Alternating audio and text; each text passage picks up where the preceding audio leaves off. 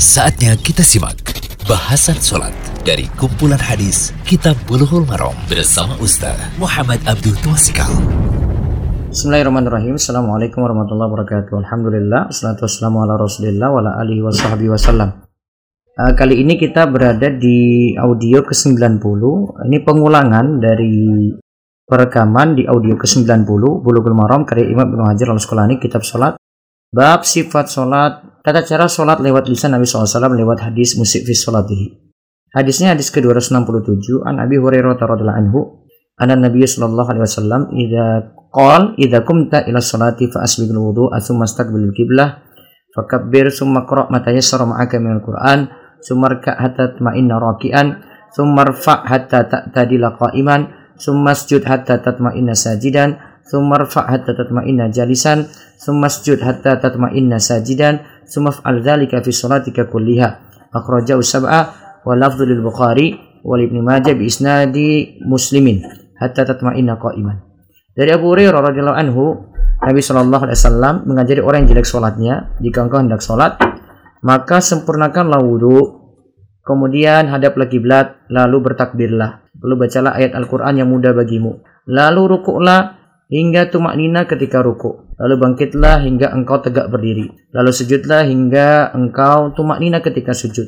Kemudian bangkitlah hingga engkau tumak nina ketika duduk. Kemudian sujud kembali hingga engkau tumak nina ketika sujud.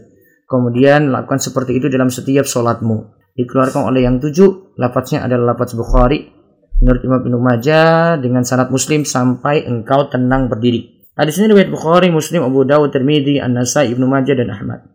Juga ada hadis 268 wa mislu fi hadis rifa'a inda Ahmada wa bin Hibban wa fi lafzin li Ahmada fa akim sulbaka hatta taraji'al idhama wa nasai wa Abi Dawud min hadis Rifa'ah bin Rafi' innaha lan tatimma salatu ahadikum hatta yusbighal wudu'a kama amarah Allah summa yukabbirullaha wa yahmadahu wa yusni alaihi wa fiha fa in kana ma'aka Qur'anun faqra' wa illa fahmadillaha wa kabbirhu wa hallilhu. Wa li abi dawud summa qra bi umil quran wa bima Allah wa li ibni hibban summa bima syi'ta. Hal yang serupa didapatkan dalam hadis Rifa bin Rafi. Menurut Imam Ahmad dan Ibnu Hibban hingga engkau merasa tenang berdiri. Menurut Imam Ahmad disebutkan maka tegakkanlah tulang punggungmu hingga tulang-tulang itu kembali seperti semula.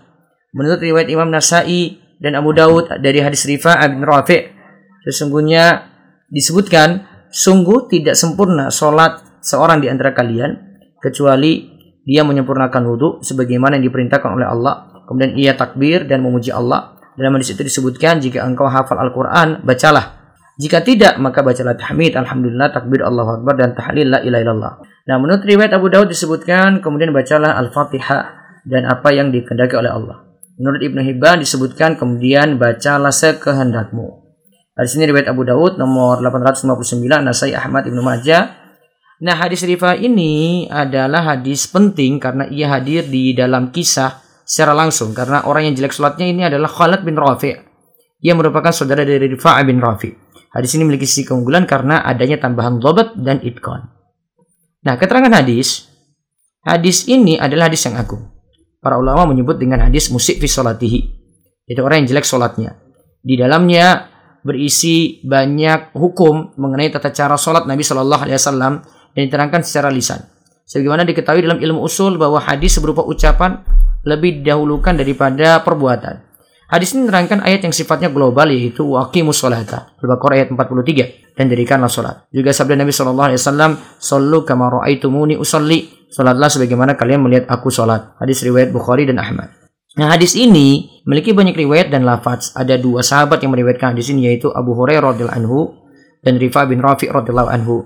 Nabi SAW menyuruh mengulangi sholat hingga tiga kali untuk mengingatkannya barangkali ia lupa atau memantapkan ilmunya jika ia tidak tahu. Seperti ini akan mudah diterima. Ini bukan karena ingin mentakzir, yaitu mengingatkan keras orang yang salah, namun ini dalam rangka meluruskan. Nah, dalam riwayat ada tambahan untuk isbagul wudhu, yaitu menyempurnakan wudhu.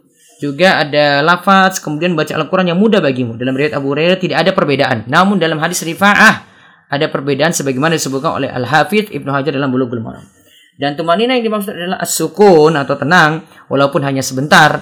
Sedangkan yang dimaksud dengan secara istilah tumanina adalah uh, diamnya anggota tubuh beberapa saat. Nah, mengenai faedah hadis kita lihat di audio ke 91. Allah yubarik fi. Demikian bahasan sholat dari kumpulan hadis Kitab Buluhul Marom bersama Ustaz Muhammad Abdul Tuasikal.